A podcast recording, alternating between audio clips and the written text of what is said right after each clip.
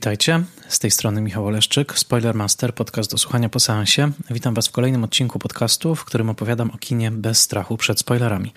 Zapraszam Was do posłuchania odcinka, jeżeli widzieliście już film, o którym mówię, ewentualnie jeżeli nie boicie się spoilerów. W tym odcinku znowu Spoiler Master Classic ze względu na trwającą pandemię koronawirusa i fakt, że premiery kinowe spadły do zera, a na wiele filmów, na których czekaliśmy, wciąż ich los jest niepewny. Nie wiemy, czy zostaną ponownie otwarte kina, czy filmy trafią na platformy cyfrowe. Postanowiłem, że dobrze nam wszystkim zrobi w tym przedziwnym, izolacyjnym czasie powrót do klasyki kina. Dzisiaj kolejny film klasyczny, chociaż czuję się dziwnie mówiąc tak o filmie, który powstał już za mojego życia. Film z roku 1991, film pod tytułem Telma i Louise. Film w reżyserii Ridleya Scotta, wedle scenariusza Kelly Curry, z rolami głównymi Susan Sarandon i Gina Davis. Film, który w momencie premiery otrzymał 6 nominacji do Oscara, zarobił prawie 50 milionów dolarów, odniósł sukces o wiele większy od spodziewanego, a także wywołał kontrowersję, której nie spodziewał się nikt. Opowiem Wam dzisiaj o historii powstania tego filmu, o kilku jego kontekstach, także gatunkowych, a także spróbuję go zinterpretować po latach. Zanim zacznę, słowo o źródłach, które pomogły mi się przygotować do dzisiejszego odcinka, w których znalazłem mnóstwo interesujących informacji, którymi mam nadzieję się dzisiaj z Wami podzielić.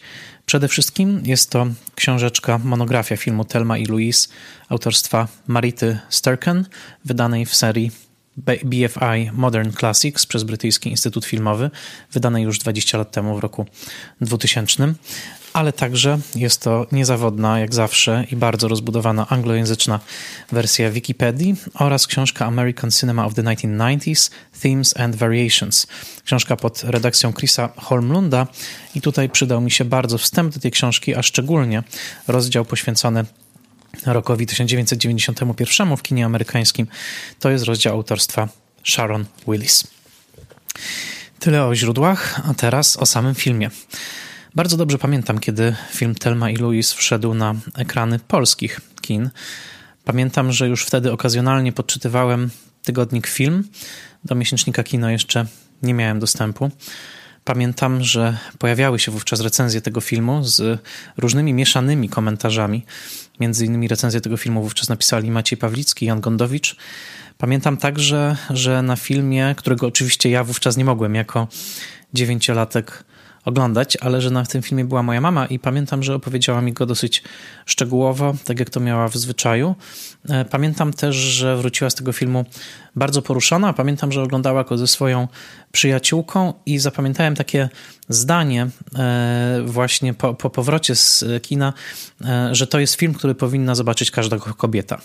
Wówczas jeszcze do końca nie rozumiałem o co chodzi i w jakim kontekście te słowa są wypowiadane, ale po latach, a zwłaszcza teraz, kiedy wróciłem do tego filmu po wielu, wielu latach i jak poczytałem o nim więcej, zrozumiałem to poruszenie i zrozumiałem ten komentarz mojej mamy, bo zrozumiałem też, że film e, w momencie premiery wywołał całą szeroką kulturową dyskusję dotyczącą kwestii feminizmu, reprezentacji kobiet na ekranie, wzorców męskości i kobiecości, a przede wszystkim kwestii przemocy wobec kobiet i tego, jak ona jest pokazywana na ekranie. Także można powiedzieć, że fale poruszenia, które wywołał ten film i które wyruszyły gdzieś tam z Hollywood w Stanach Zjednoczonych, nawet odbijały się w Tarnowskich Górach, w których dorastałem i ten odbiór był bardzo silny, bardzo emocjonalny. E, film okazał się w tym sensie dotykać czegoś niesłychanie uniwersalnego i czegoś, czego amerykańskie kino w zasadzie nie dotykało albo starało się przez wiele lat tego nie dotykać. Telma i Louise, jako się rzekło, powstała w roku 1991, w roku, w którym na dobre rozpada się Związek Radziecki, Ameryka do, przystępuje do pierwszej wojny w Zatoce Perskiej, a kino amerykańskie okazuje wiele oznak pęknięć. Pęknięć przede wszystkim rasowych i klasowych, ale także genderowych, czyli płciowych.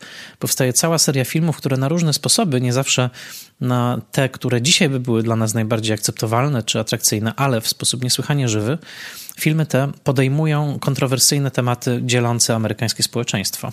Tematy takie właśnie jak rasa i nierówności społeczne e, związane z nierównościami e, w traktowaniu przedstawicieli różnych ras. To są filmy takie jak Chłopaki z sąsiedztwa e, Johna Singletona czy Malaria Spike'a Lee, ale także New Jack City, syna słynnego reżysera Van Peeblesa, który nakręcił wcześniej klasyka exploitation, Black, Exploitation, Sweet Sweetback Badass Song.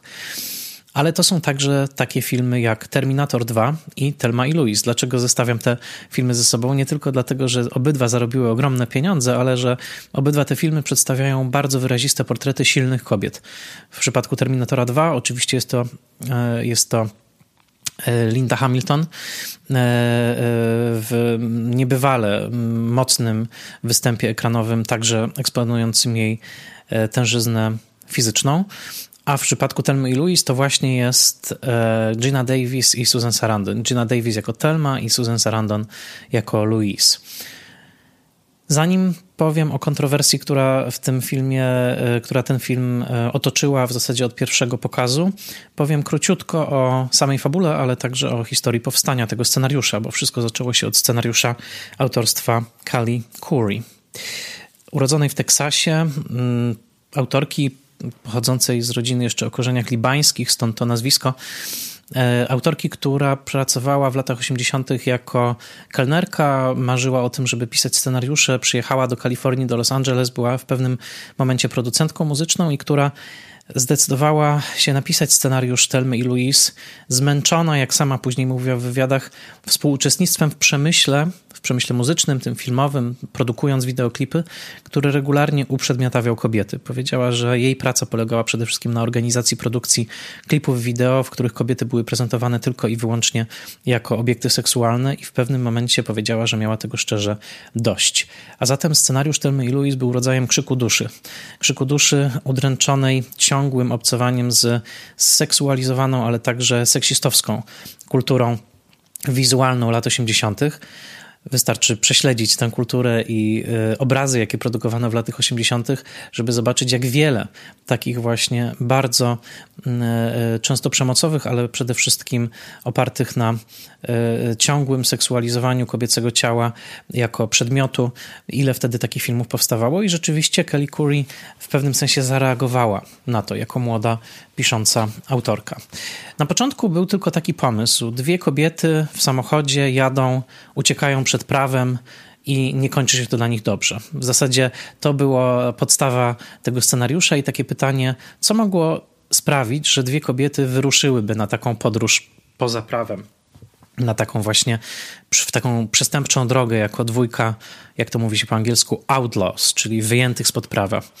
Gatunek wyjętych spod prawa, często łączący się z gatunkiem road movie, czyli filmu drogi, takiego, w którym bohaterowie przemierzają ogromne połacie głównie amerykańskiego pejzażu, oczywiście miał swoją długą historię.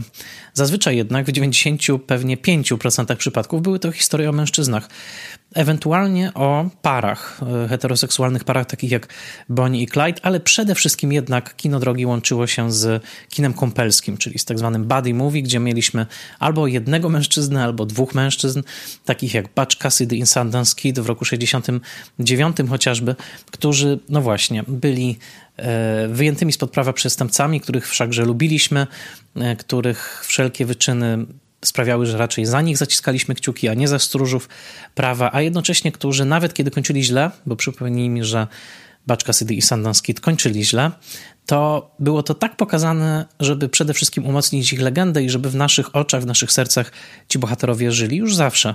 Przypomnijmy słynną stopklatkę kończącą film Baczka City i Sundance Kid, gdzie Butch Cassidy i Sundance Kid wyskakują z skały, za chwilkę zostaną skoszeni serią z karabinu maszynowego. Słyszymy tę serię na ścieżce dźwiękowej, ale obraz zamarza, zamarzła w stopklatkę i w naszych oczach oni już zawsze pozostaną witalni i piękni, tak jak tylko Robert Redford i Paul Newman piękni być potrafili. Zapamiętajmy tę stopklatkę, dlatego że podobną stopklatką skończy się właśnie Telma i Louis. Ale zanim do tej finałowej stopklatki dojdziemy, oczywiście opowiedziana zostaje cała historia. Cała historia wymyślona przez Kelly Curry i wspaniale przez nią poprowadzona. Do dzisiaj scenariusz ten nauczany jest jako jeden z najlepiej skonstruowanych scenariuszy amerykańskich. I także, zapomniałem dodać na początku, w liście książek, którymi dzisiaj się inspirowałem, chciałem wspomnieć książkę Syda Fielda, słynnego konsultanta scenariuszowego, książkę pod tytułem Four Screenplays, w której on analizuje cztery najważniejsze jego zdaniem amerykańskie scenariusze przełomu lat 80. i 90. Pierwszym z nich analizowanym w tej książce na prawie 100 stronach bardzo ciekawej analizy jest właśnie Telma i Louise, gdzie Sid Field dowodzi znakomitości konstrukcji trzyaktowej tego filmu z dwoma dużymi zwrotami akcji, ze świetnie poprowadzonym drugim, tym środkowym aktem. Więc może parę słów o tej samej historii na początek. Telma i Louise. Telma grana przez Gina Davis, Louise grana przez Susan Sarandon. Louise trochę starsza, pracuje jako kelnerka. Akcja zaczyna się w stanie Arkansas, w typowym amerykańskim dinerze, gdzie pośpiech i jedzone śniadania z wysokimi jak wieżowce stosami naleśników polewanymi melasą piętrzą się na talerzach gości, a Louise dolewa kawy, dowcipkuje z klientami i Także, co istotne dla akcji filmu, i ten temat tutaj już zostaje delikatnie zasiany, musi ciągle odpychać zaloty męskie. Louise chce wyrwać swoją przyjaciółkę Telmę, młodszą od niej, mężatkę mieszkającą ze swoim nieznośnym, szowinistycznym mężem Darylem. Chce wyciągnąć przyjaciółkę na weekend na ryby ma dostęp do kluczy, do domku znajomego i po prostu chce spędzić czas z przyjaciółką. Ale czy to jest jedyna motywacja? Nie do końca. Tak naprawdę Louise ucieka od pewnej decyzji, którą musi podjąć, ucieka od trudnej sytuacji związkowej z Jimmym, granym przez Michaela Madsona, który powróci w tej historii i tak naprawdę potrzebuje chyba chwilkę czasu, żeby przemyśleć parę kwestii, być może także przegadać je z przyjaciółką. Telma jest zdecydowanie pod butem swojego męża, który traktuje ją jak idiotkę. My także widzimy, że Telma wydaje się nierozgarnięta, nie za bardzo potrafi spakować walizkę, cały czas jest infantylizowana, ale także sama posiada pewne cechy dziecka. W pierwszej scenie boi się powiedzieć mężowi, że wyjeżdża z przyjaciółką, a przez cały czas podjada batonik, batonik Snickers schowany w zamrażarce. Bardzo ładnie jest to rozegrane w scenie, kiedy cały czas go chowa, ale nie może się powstrzymać przed kolejnym kęsem i znowu go wyjmuje i znowu go je. A zatem dziewczyny wyjeżdżają w trasę. Dziewczyny wyjeżdżają w trasę i ktokolwiek widział film, ten pamięta, że Louise jest tą bardziej matczyną, no właśnie bardziej dojrzałą osobą. Susan Sarandon grająca tę rolę miała już 44 lata. Gina Davis, młodsza, bo lat 34, ale starsza o Oscara, bo wtedy już miała Oscara na koncie za drugoplanową rolę w filmie Przypadkowy turysta, zresztą wspaniałą. Słynna postać Muriel Pritchett. Też trochę zwariowanej. W każdym razie dziewczyny kobiety wyruszają w podróż i chcą się w końcu wyluzować. Zanim dojeżdżają na miejsce, jednak Telma głodnieje, mówi, że chce się gdzieś zatrzymać. Louis trochę ją strofuje, mówi, że nie mają czasu. Zatrzymują się w przydrożnej knajpie o nazwie Silver Bullet, co było także symbolicznie interpretowane jako, że spotkają tam kogoś, kogo, no właśnie, tak jak wampira srebrnym pociskiem się zabija, tak także i tego złoczyńcę będą musiały za zabić.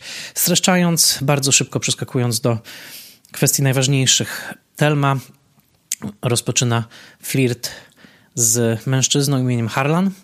E, Harlan jest grany z przerażającą wiarygodnością przez Timothy'ego Carharta.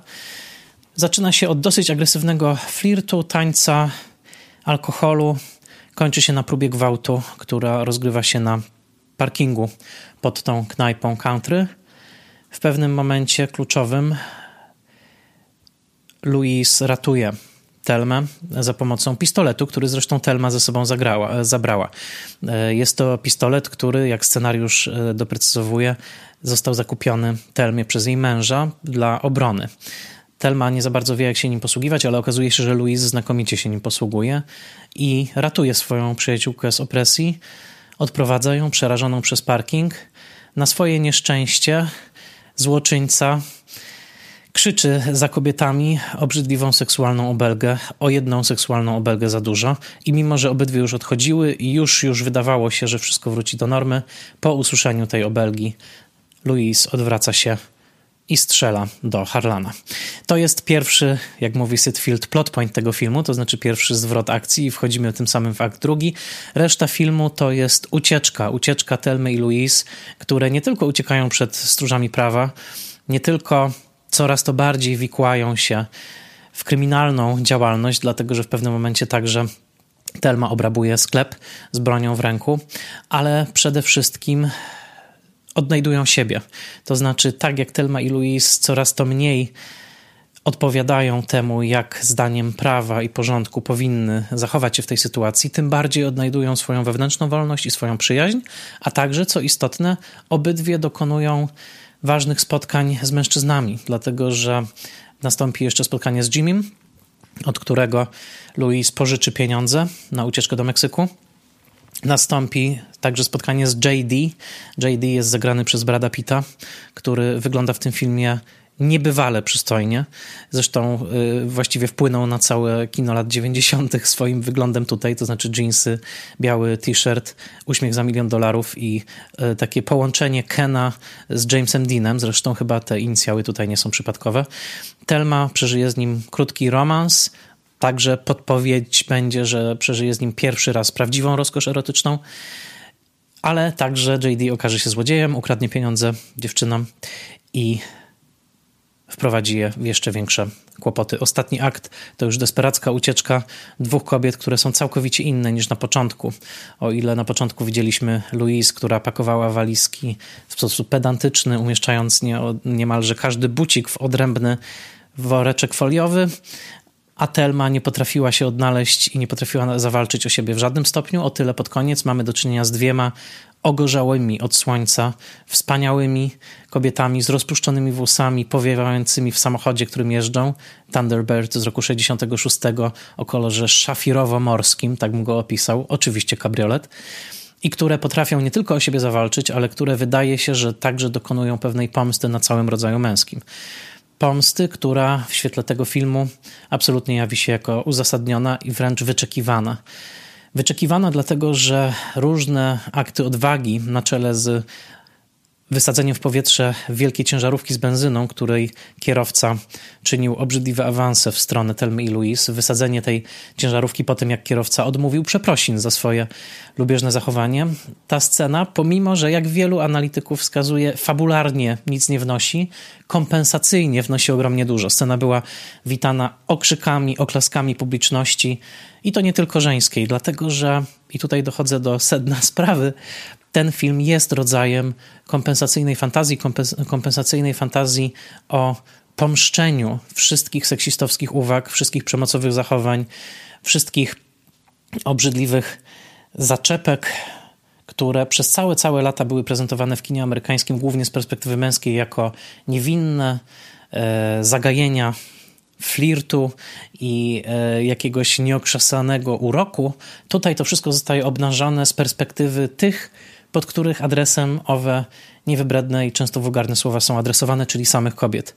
I tak jak mówi Telma i Louise w pewnym momencie i do Harlana, czyli do gwałciciela, i do mężczyzny z ciężarówki, e, zastanów się, czy rzeczywiście to, co robisz, czy to, co się zachowujesz, faktycznie sprawia kobiecie przyjemność. Pamiętne zdanie, które wypowiada Louise w stronę Harlana, która mówi wprost: Pamiętaj, że kiedy kobieta tak płacze i tak protestuje, to nie znaczy tak. A drugie zdanie wypowiadane pod adresem mężczyzny z ciężarówki: Wyobraź sobie, że mówisz do swojej siostry albo matki.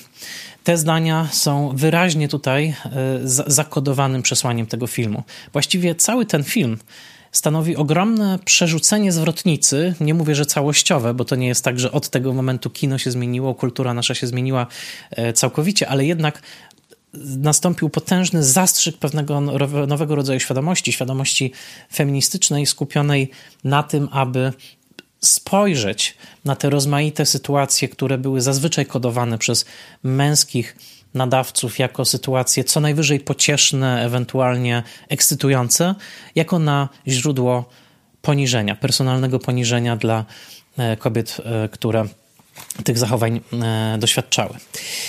I słynny finał to finał, w którym Telma i Louise oczywiście w końcu zostają dogonione przez Harveya Keitla, czyli przez policjanta Hala Slocomba, który przez cały film je goni, ale jednocześnie stara się zrozumieć, jako być może jedyny mężczyzna w filmie, może z wyjątkiem Jimmy'ego. I w końcu nie ma ucieczki. Są, są bohaterki są w Wielkim Kanionie, patrzą na piękno amerykańskiej przyrody w wydaniu najbardziej majestatycznym, ale i trochę przerażająco wanitatywnym, chciałoby się powiedzieć, bo Wielki Kanion często jest kojarzony ze śmiercią. Za nimi cała kawalkada samochodów, tylu samochodów policyjnych chyba nie zgromadzono od czasu słynnego pościgu przez Chicago w Blues Brothers Johna Landisa. I wybór, czy oddajemy się w ręce prawa i ryzykujemy nawet krzesło elektryczne, czy naciskamy pedał gazu i po prostu, jak mówi Thelma, jedziemy. Keep going, mówi Thelma do Louise. I tak się dzieje. Kobiety się całują. Zdjęcie, które wykonały przed początkiem podróży, słynne zdjęcie polaroidowe, które także trafiło na plakat filmu, wylatuje w powietrze z samochodu. Ten obrazek ich sprzed podróży już jest nieaktualny. One są już kimś zupełnie innym, wyglądają zupełnie inaczej w swoich potarganych ubraniach, t-shirtach z odciętymi rękawami. Właściwie jest to taki wygląd prawie punkowy czy rockowy. Naciskają gaz i wyjeżdżają tym pięknym Thunderbirdem wyskakują w przestrzeń Wielkiego Kanionu i co ważne, zawisają w powietrzu. Stopklatka magia kina sprawia, że zawisają w powietrzu już na zawsze. Nigdy nie zobaczymy tego, jak opadają w dół, jak roztrzaskują się, jak giną, co sprawia, że Telma i Louis tak naprawdę żyją w naszej świadomości i taki też był zamysł Kali Curry i zawsze przez wiele lat Kelly Curry podkreślała swoją wdzięczność dla producentów, że nie zmienili tego zakończenia, mimo że była oczywiście pokusa żeby wprowadzić jakiś rodzaj e, banalnego happy endu. Okazało się jednak, że nie, że publiczność znakomicie na to zakończenie zareagowała. Co ważne, to zakończenie nie zawsze tak wyglądało, dlatego że sam Ridley Scott był bardzo nerwowy, jeżeli chodziło o to właśnie zakończenie z bohaterkami wyskakującymi w Wielki Kanion ku swojej śmierci.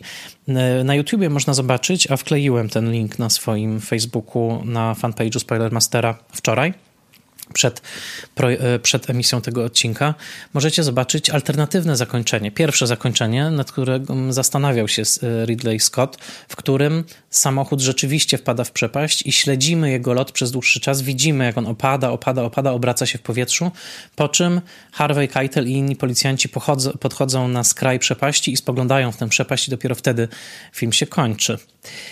Na szczęście tak się nie stało. Na szczęście e, Ridley Scott miał ten absolutny reżyserski zmysł, żeby zakończyć stopklatką. Dlatego, że widok, o czym później mówiła sama Kelly Curry, przyznając to, że widok tego opadającego samochodu, niknącego w tej ogromnej przepaści, był jednoznacznie przygnębiający. Dopóki jest tak, że ten samochód właśnie wzbija się do lotu, tak jak mamy tutaj do czynienia, i zawisa w powietrzu, nasza fantazja na zawsze zachowuje te dwie kobiety żywe. Tym bardziej, że tuż po tym obrazie pod napisami końcowymi jest jeszcze kilka migawek z ich podróży wcześniejszej, także one w pewnym sensie są unieśmiertelnione przez ten zabieg filmowy. Sama Kelly Curry przyznaje, że obraz tego spadającego samochodu był po prostu zbyt przygnębiający. I o ile wówczas to zakończenie bardzo pięknie rymowałoby się stylistycznie ze słynnym zakończeniem Bonnie i Clyde, Andrew, e, e, Artura Pena, w którym rzeczywiście mamy e, najpierw śmierć Bonnie i Clyde'a, a następnie tych podchodzących do samochodu policjantów, patrzących trochę na swoje krwawe dzieło, równie krwawe jak dzieło wcześniej dokonywane przez Bonnie i Clyde'a i wszystko nagle się urywa takim nagłym cięciem do czerni, to na szczęście tutaj e, zdecydowano się na zawieszenie tego samochodu w powietrze i on w pewnym sensie nigdy w tę przestrzeń Wielkiego Kanionu nie spadł. Z czego zresztą żartowały same Susan Sarandon i Gina Davis. Wręczały na, w roku 92, 30 e, marca, Oscara za montaż. E, on, ten montaż, e, ten Oscar nie, powędrował do, co prawda, do montażysty Telmy i Louise, czyli do Toma Nobla, tylko do filmu JFK Olivera Stone'a, ale tam przyznając tę nagrodę, one wprost żartowały z tego zakończenia troszeczkę, właśnie mówiąc, że słuchaj, może będzie sequel, może tak naprawdę przeżyłyśmy, może przeskoczyłyśmy tym samochodem na drugą stronę, a może odbiłyśmy się od dna. No, ale to tylko pokazuje, że to zakończenie rzeczywiście gra z naszą wyobraźnią. E, sama Kelly Curry, odbierając Oscara, wzniosła statuetkę do góry i powiedziała: to dla tych wszystkich, którzy myśleli, że ten film nie ma szczęśliwego zakończenia. To jest to szczęśliwe zakończenie. Więc jest coś bardzo potężnego w zawieszeniu tego zakończenia na samym, na samym końcu. Teraz trochę o historii powstania. Kelly Curry napisała ten scenariusz w połowie lat 80. i scenariusz dosyć długo no, był tak jak piłeczka odbijany pomiędzy różnymi producentami. Wszyscy wyczuwali jego potencjał, jednocześnie trochę się tego tematu bali.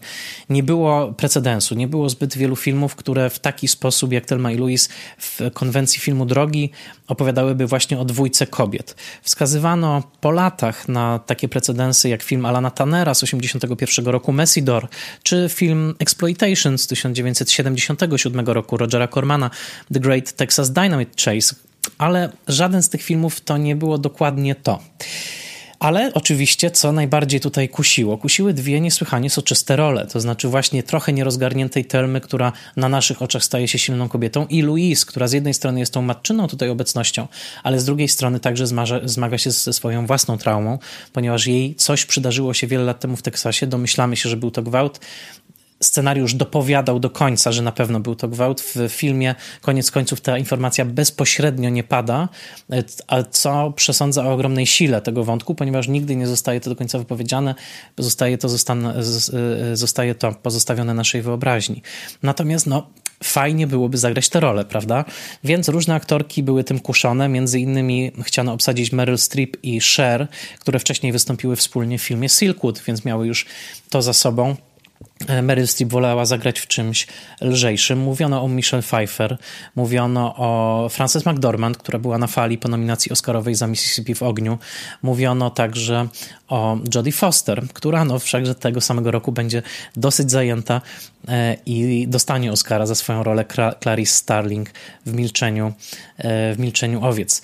Więc Holly Hunter także była rozważana. Natomiast osobą, która bardzo chciała zagrać w tym filmie była Gina Davis, która długo walczyła o to, żeby być obsadzoną i co więcej, kiedy już podpisywała kontrakt, miała y, szczególną mm, notkę w kontrakcie, która zakładała, że Gina Davis może zagrać y, którąś z ról, to znaczy dowolną z tych dwóch ról. Nie było od razu powiedziane, że zagra właśnie Telmę.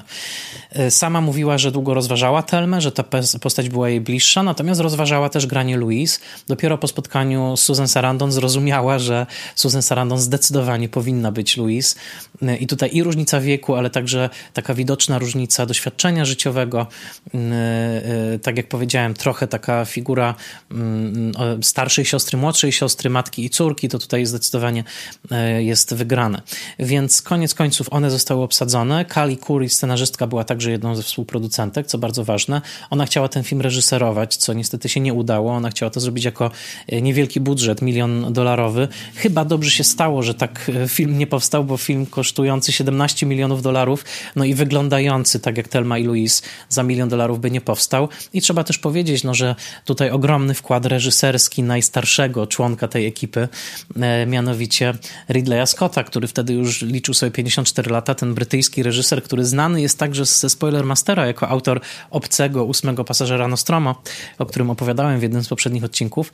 No, dla niego to już był siódmy film fabularny pełnometrażowy, ale pamiętajmy, że on już wówczas był gigantem, był także rosnącym w siłę producentem i stał się także producentem tego filmu i przede wszystkim miał na koncie niebywałą ilość reklamówek telewizyjnych, które zdobywały wszystkie możliwe nagrody, więc był to ktoś z niebywale wyszlifowanym stylem wizualnym i ogromną renomą. Udział Scotta przesądził w dużej mierze o sukcesie tego filmu, a na pewno o jego kształcie artystycznym.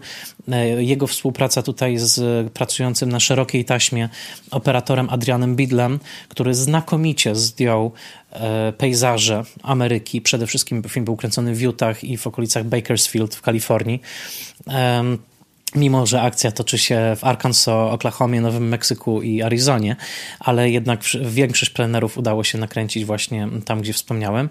No tutaj Scott zdecydowanie zadecydował o niebywałej wizualnej urodzie tego filmu. Scott był częścią takiej, można powiedzieć, rodziny brytyjskich reżyserów, którzy zdobywali szlify w reklamie i później dali taki zastrzyk kino amerykańskiemu nowej wrażliwości wizualnej, takiej bardzo wypolerowanej, troszeczkę trzeba powiedzieć syntetycznej, zerotyzowanej także chwilami. Myślę o Adrianie Lajnie, 9,5 tygodnia, Alanie Parkerze, Sława, Hugh Hudsonie, e, Rydwany Ognia, ale także o obydwu braciach Scottach, to znaczy o Ridleyu i Tonym. To była taka cała grupa, która faktycznie no, pokazywała, wnosiła także te swoje reklamowe doświadczenia do kina fabularnego. I tutaj Scott absolutnie, jeżeli spojrzycie na ten film okiem kogoś, kto wyławia pewne tropy wizualne, to zobaczycie, że jest to film prze, przestrzelony cały, przesiąknięty wrażliwością wizualną Scotta. To znaczy nie ma takiego filmu Ridleya Scotta, w którym nie unosiłyby się wszędobylskie dymy i pary wodne, tak? Tutaj dymy w barach, e, para wodna unosząca się z ulic, e, to wszystko jest tak wszechobecne, także w scenach pustynnych unoszący się pył, on po prostu uwielbia ten e, efekt światła przesączającego się przez rozmaite wapory, chciałoby się powiedzieć, więc to jest tutaj wszędzie i oczywiście deszcz, ściana deszczu w wielu e, scenach. Niektórzy krytycy wskazywali, że ten deszcz jest zbyt wyraźnie sztuczny, to znaczy jest bardzo równy w swoich opadach. No, czy tak to pada często w Arkansas? Sam Ridley Scott w komentarzu na płycie Blu-ray, która także przysłużyła mi się bardzo przy przygotowywaniu tego podcastu, bo tam jest i komentarz Ridleya Scotta, ale także komentarz Susan Sarandon, e, Ginny Davis i Kelly Curry, które wspólnie komentują film. Ridley Scott mówi wprost, przywiozłem ze sobą deszcz z północnej Anglii. Uwielbiam północną Anglię, uwielbiam północno-angielski deszcz, ulewy, ścianę wody. I tutaj przyjrzyjcie się, jak często ta ściana wody rzeczywiście wyrasta za plecami Telmy i Louis. Ale coś jeszcze jest ważniejsze. Nie tylko ten taki wypolerowany, e, wypolerowany skotowski połysk, który dodajmy, jest zdecydowanie widoczny w fetyszyzowaniu tego szafirowo-zielonego e, Thunderbirda, bo jest on filmowany tak, jakby był filmowany ten samochód kabriolet do reklamy, do jakiegoś folderu reklamowego, albo co najmniej do reklamy Marlboro nie tylko w lśniącej, lustrzanym połyskiem wielkiej ciężarówie, w której obrzydliwy seksista co prawda siedzi, ale sama ciężarówka jest przepiękna i odbija niebo błękitne, zasnute pięknymi obłoczkami, e, które rozpościera się nad bohaterami. To wszystko w tym filmie to jest oko Scotta, który nieprawdopodobnie ten film nasycił właśnie takimi pięknymi, ale także mówię, graniczącymi chwilami z wrażliwością reklamową, reklamową obrazami. To wszystko tutaj jest, ale przede wszystkim pamiętajmy, że Ridley Scott był znakomitym reżyserem aktorów. Nie tylko Harvey'a Keitla tutaj w drugim planie, z którym już pracował w filmie Pojedynek przed laty, ale przecież kobiet. No, kto obsadził e, Sigourney Weaver w filmie Obcy? Kto dał tę pierwszą ważną heroinę kina science fiction? Właśnie Ridley Scott. To właśnie on wprowadził postać silnej kobiety do gatunku wcześniej rezerwowanego przede wszystkim dla mężczyzn. I tutaj także był to w pewnym sensie naturalny wybór, żeby to on poprowadził te dwie fantastyczne aktorki, to znaczy Sarandon i Davis w Telmie Telmie i Louise, Natomiast Scott sam stwierdził, że dla niego Telma i Louise była swoistym wyzwaniem, dlatego że to jego siódmy film fabularny, ale jak sam słusznie zauważył w komentarzu, jego pierwszy normalny film, to znaczy film rozgrywający się w rozpoznawalnym, realistycznym świecie. Wcześniejsze jego filmy były albo filmami science fiction, obcy, albo fantazy, legenda, albo bardzo stylizowanymi thrillerami, Czarny deszcz, albo z kolei filmami rozgrywającymi się w dalekiej przeszłości, takimi jak Pojedynek wedle Konrada. Tutaj jesteśmy we współczesnej Ameryce, tak? Więc to musiał także wymyślić pewien wygląd, pewien look dla tej współczesnej Ameryki. Ale co jest najważniejsze? Najważniejsze jest to, że Ridley Scott jest Anglikiem i że patrzy na Stany Zjednoczone okiem zachwyconego przybysza. I to oko zachwyconego przybysza skąd inąd, on mówi o tym w komentarzu, że dla niego jako Brytyjczyka nawet włączniki światła w Ameryce amerykańskich motelach tanich są wizualnie interesujące. W tle rozlega się muzyka Hansa Zimmera, czyli niemieckiego kompozytora, który także tutaj naśladuje pewien taki wyobrażony amerykań, wyobrażone amerykańskie brzmienie. Więc ten film wygląda i brzmi tak, jak wygląda i brzmi niekoniecznie ta najbardziej realistyczna Ameryka opisywana amerykańskim piórem czy kamerą, ale ta wyśniona Ameryka, tych właśnie wielkich przestrzeni, bezkresnych autostrad, przydrożnych knajpek, stacji benzynowych z tymi starymi, pięknymi, fascynującymi dystrybutorami. To wszystko tutaj to jest oko Scotta, który chciał wytworzyć Amerykę mityczną. Ktoś zwrócił bardzo cenną uwagę na to, że w tym filmie nie ma ani jednego przydrożnego McDonalda, ani jednego przydrożnego Burger Kinga. Wszystko wygląda tak, jakby było zatopione w takim właśnie świecie Route 66, tej słynnej drogi, świecie zawieszonym w jakiejś mitycznej Ameryce lat 70., 60., może nawet wcześniejszej, Ameryka lat 90. wyglądała już troszeczkę inaczej. Tutaj ani jednego takiego korporacyjnego e, śladu nie ma. Wszystko jest trochę zmruszałe, trochę z dykty.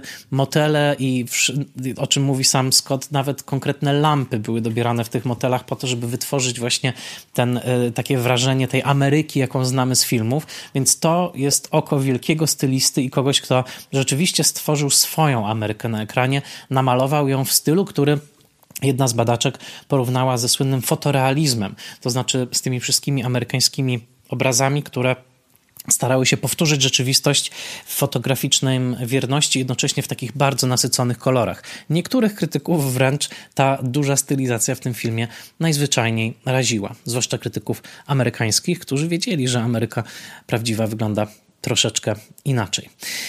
Więc to jest ten film od strony realizacyjnej. Kelly Curry była przeszczęśliwa odbierając swojego Oscara. No dodajmy, miała wtedy 33-34 lata, więc e, absolutnie był to dla niej e, wielka nobilitacja. Troszeczkę rozczarowująca jest jej kariera filmowa później, bo mimo, że mm, napisała jeszcze parę scenariuszy, wyreżyserowała także kilka filmów na czele z filmem, który odniósł sukces, to znaczy Boskie Sekrety Siostrzanego Towarzystwa Jaja w 2002 roku, to jednak no, nigdy nie stworzyła nic na miarę Telmy i Louise, ale powiedzmy sobie szczerze, chyba nie trzeba. Jeżeli ktoś stworzy jeden taki film jak Telma i Louise, to naprawdę ma prawo mm, e, nie tyle spocząć na laurach, bo Kelly Curry oczywiście dalej pracowała, ale no, zapisał, zapisała się zdecydowanie w historii, mm, e, w historii kina. I teraz ten film oglądany po latach, a zwróćmy uwagę, że no trochę tych lat od premiery jednak już, e, jednak już upłynęło. Jesteśmy 30 lat 30 e, lat później niemalże, e, więc film, którym tak naprawdę nie mieliśmy żadnego e, punktu odniesienia w momencie, kiedy on wchodził na ekran poza kinem amerykańskim, innym gatunkowym. Tutaj jednak mamy po latach spojrzenie także z pewnym, no można powiedzieć, przewagą. To znaczy wiemy, co przyszło później w kinie i możemy się tak troszeczkę zapytać, czy kino późniejsze bardzo się zmieniło pod wpływem Telmy i Louise? Czy to było tak, że ten film mm, faktycznie wprowadził jakiś nowy rodzaj opowiadania o kobietach? Mm, chyba y, tak się stało, chociaż nie w tym stopniu, w jakim miały nadzieję Kelly Curry i e, Telma i sama Susan Sarandon i Gina Davis. One o tym mówiły w komentarzu, że to nie jest tak, że kino zmieniło się z dnia na dzień. Nadal większość opowieści była z męskiej perspektywy. Mm, e, oczywiście były wręcz takie, no, chciałoby się powiedzieć, filmy córki e, Telmy i Louise, takie jak Chłopaki na bok, czy Ślicznotki z 95 roku, które troszeczkę starały się skapitalizować sukces Telmy Louise po swojemu. Natomiast e, powiedzmy dwa słowa o samej kontrowersji. Dlaczego ten film jest taki kontrowersyjny? Był kontrowersyjny. E, spotkał się mianowicie z czymś, co dzisiaj należałoby nazwać niesamowitą falą hejtu. To znaczy najwyraźniej okazało się, że film został uznany przez niektórych krytyków za cytat antymęski. Zwrócono uwagę na to, że większość postaci kobiecych w, męskich w tym filmie jest pokazany w sposób karykaturalny, na czele z granym przez Chrisa McDonalda mężem e, Telmy, czyli Darylem, który w pewnym momencie jest takim głupkiem, że nawet nie widzi, że stoi na pizzy rozmawiając z, e, z e, policjantem, a od początku do końca jest pokazany jako ostatni kretyn. Steven Tobolowski gra trochę gapowatego policjanta. Mamy jeszcze gwałciciela Harlana, złodzieja JD, to znaczy Brada Pita, no i tego obleśnego kierowcę ciężarówki. Nagle okazuje się, że wszyscy faceci tego filmu to jacyś szubrawcy. Sama Kelly Curry wskazywała, że oczywiście tak nie jest, dlatego że tą odkupiającą obecnością jest tutaj Harvey Keitel, który ma wręcz pewne cechy anielskie, to znaczy on w ogóle nie ocenia bohaterek, chce je uratować, chce je przede wszystkim zrozumieć. To jest w tym filmie istotne. E, natomiast faktem jest, że film w pewnym momencie był oskarżany o to, że nawołuje do przemocy. E, jedna z krytyczek filmowych, co ciekawe, napisała, że nie pozwoliłaby tego filmu oglądać młodym dziewczętom, bo e, może się to zakończyć rozróbami i przestępstwami i tak. Mówiono także o tym, że film ocieka krwią, jest pełen przemocy, na co Kelly Curry zdziwiona odpowiadała, że w filmie, i to potem Gina Davis także dowcipnie podchwyciła, że w filmie giną trzy osoby, y, przy czym dwie z nich to jest Telma i Louis. Tak? To znaczy ginie tak naprawdę tylko gwałciciel i to jest na dodatek ukarany tak? za, y, y, za, co, za coś strasznego. Swoją drogą Kelly Curry dotknęła absolutnie sedna problemu, mówiąc, że gdyby to było tak, że na tym samym parkingu do gwałciciela strzela jakiś mężczyzna, który akurat przechodził i obroniłby Telmę, nie byłoby żadnego problemu, nie byłoby żadnej kontrowersji. Kontrowersją było to, że za broń chwyciła kobieta w obronie siebie, w obronie przyjaciółki i y, odważyła się strzelić obraz kobiety z rewolwerem, kobiety, która przejmuje inicjatywę, kobiety, która co więcej, no, w pewnym sensie mści się za wcześniejszą także przemoc, jakiej doświadczyła, ale także za ogrom przemocy, jakiej inne kobiety doświadczają, to nacisnęło, dotknęło tego otwartego, odsłoniętego nerwu i sprawiło, że film był nazywany właśnie nienawistnym w stosunku do e, mężczyzn i agitką feministyczną e, i tak dalej. E, gdyby to było tak, że bohaterki rzeczywiście rzucają się i zaczynają zabijać mężczyzn na prawo i lewo, może można by zacząć taką rozmowę na temat tego, czy on rzeczywiście nawołuje do jakiejś przemocy. Tymczasem szokujące w tych kontrowersjach jest to, że rzeczywiście w całym tym filmie pada tylko jeden strzał ze strony Telmy i Louis, a kiedy później, chcąc wykaraskać się z kłopotów, pakują policjanta do bagażnika samochodu, cały czas go przepraszają za to, że to robią, mówią, że na pewno nic się nie stanie. E, Telma robi nawet dwa otwory w bagażniku, żeby mógł oddychać. Także naprawdę trudno pokazać Telmę i Louis jako jakieś krwiożercze harpie, które po prostu z lubością wgryzają się w ciało mężczyzn e, pokazanych karykaturalnie. Więc e, ten zarzut wydaje się chybiony, chociaż trzeba powiedzieć wprost, Ridley Scott postanowił i chwilami nawet podkręcił scenariusz, e, postanowił wyreżyserować ten film jako komedię i reżyserował Chrisa McDonalda w sposób komediowy. On gra rzeczywiście tego Daryla jako ostatniego głupka, to jest bardzo istotne. Jest też bardzo ważne, że Scott podkręcał pewne efekty komediowe, a niektóre sceny wręcz wymyślił, jak scena z czarnoskórym mężczyzną, który znajduje policjanta w e, bagażniku i wdmuchuje mu dym e, marihuanowy do środka. E, I także wiele innych scen. On podkreślił te elementy komediowe, które w scenariuszu były. Przypomnijmy, że w scenariuszu są wręcz komediowe linijki dialogu, takie jak kiedy Telma tuż po tej próbie gwałtu i po tej całej traumie siada z Louise do stolika w dinerze i mówi, no muszę powiedzieć, niezłe mamy te wakacje.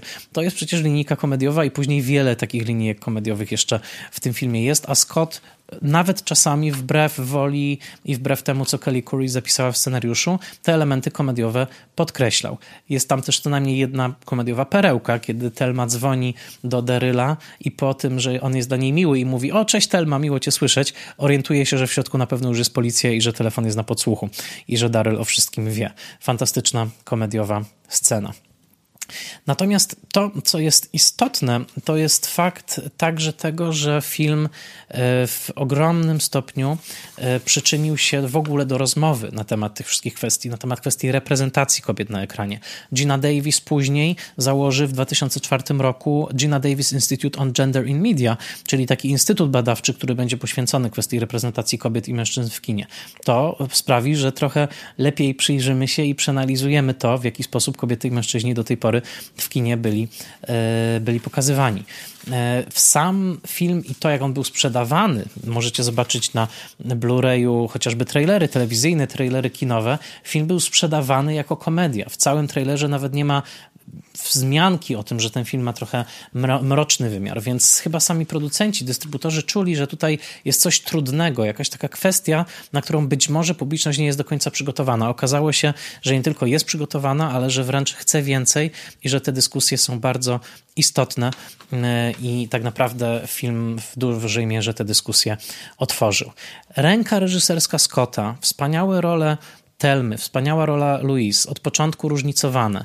Właśnie chaotyczna Telma, uporządkowana Louise. Uporządkowana do tego stopnia nawet, że przed wyjazdem na, w podróż myje szklankę, odstawiają obok na zlewie na specjalnie ułożonej szmatce detale wymyślone także przez Scotta, a niektóre zapisane już w scenariuszu. Takie jak chociażby to, że Telma zostawia e, kolację dla swojego niecnego męża w mikrofalówce i obok stoi butelka piwa z malutkim misiem, e, takim przebłagalnym za to, że wyjechała z Louise na wycieczkę bez zgody. To są wszystko detale, które oznaczają znakomity scenariusz, świetną reżyserkę i to wszystko działa naprawdę znakomicie w tym filmie. I suspens, i humor, i te dwa piękne portrety kobiet, kobiece, e, portrety jednej straumatyzowanej mocno przez przeszłość, drugiej, która doświadcza tej traumy na naszych oczach i która pod wpływem tej traumy się zmienia, a jednocześnie jest malutki, piękny moment, jeden z moich ulubionych w tym filmie i najsubtelniejszych, kiedy Louise stojąc na, e, przed sklepem, który właśnie Telma obrabowuje, Louise tego jeszcze nie wie, otóż Louise patrzy w twarz starej kobiety za szybą, która spogląda na nią takim wzrokiem, jakby coś wiedziała. I to jest piękny moment, w którym być może Louise wyobraża sobie własną starość, albo właśnie dochodzi do niej e, fakt, że tej starości nigdy nie będzie, że ona do tego momentu w życiu po prostu nie dotrwa. Nieprawdopodobny, silny moment yy, i taki, który cieszę się, że został w filmie pokazany i zachowany. Niektóre sceny wypadły w montażu. Między innymi scena, w której um, Harvey Keitel pyta swojej żony, granej przez Katrin Kinner, szkoda, bo tutaj ta rola cała wypadła, czy ona potrafiłaby kogoś zastrzelić. Ona odpowiada tak, gdyby ktoś zagrażał mojej rodzinie. Więc ten temat przemocy, prawa, tego czy prawo zawsze stoi po właściwej stronie, tego czy przemoc zawsze jest zła, zwłaszcza kiedy mamy do czynienia z przemocą w samoobronie.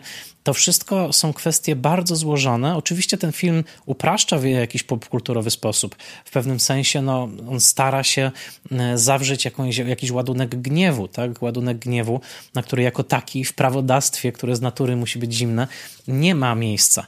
Ale faktem jest, że analizując kino ostatnich stu, kilkudziesięciu lat, oczywiste wnioski są takie, że pod względem przemocy i tego, kto na ekranie przemocy jest poddawany i tego, kto jest tym, który przemoc zadaje, e, nierówności płciowe pod tym względem były rażące. I ten film wprowadził te kwestie w, na światło dzienne, nazwał je, był także krytykowany przez niektórych jako niedostatecznie postępowy, jako wręcz purytański, dlatego że ilekroć coś dobrego się przydarza e, postaci Ginny Davis, chociażby udany seks z JD, natychmiast przychodzi kara w postaci e, tego, że JD okazuje się złodziejem.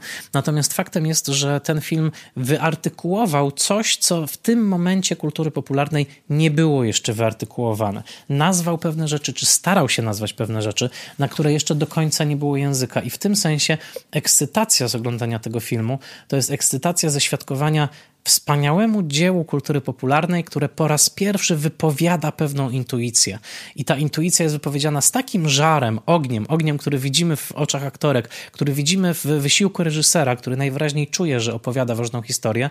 W ten sposób powstają klasyki popkultury i takim klasykiem nawet po latach oglądanym okazuje się film Telma i Louise z niezapomnianymi obrazami, między innymi obrazem helikoptera nagle wyłaniającego się z zakrawędzi Wielkiego Kanionu, niczym fatum dopadające nasze dwie bohaterki. W tle kunszt, koronkowa robota, także dźwiękowo-muzyczna. Zwróćcie uwagę, że każda piosenka, która pojawia się tutaj na wspaniale skomponowanej playliście, jest komentarzem do akcji i dobierane są takie fragmenty tych piosenek, które wręcz wprost, niczym grecki, popkulturowy, amerykański chór, komentują to, co się przydarza, Telmi i Louise, a także to, co dopiero im się przydarzy, ponieważ już w połowie filmu pojawia się piosenka B.B. Kinga, w której słyszymy takie słowa: Better not look down If you want to keep on flying, put the hammer down, keep it full speed ahead.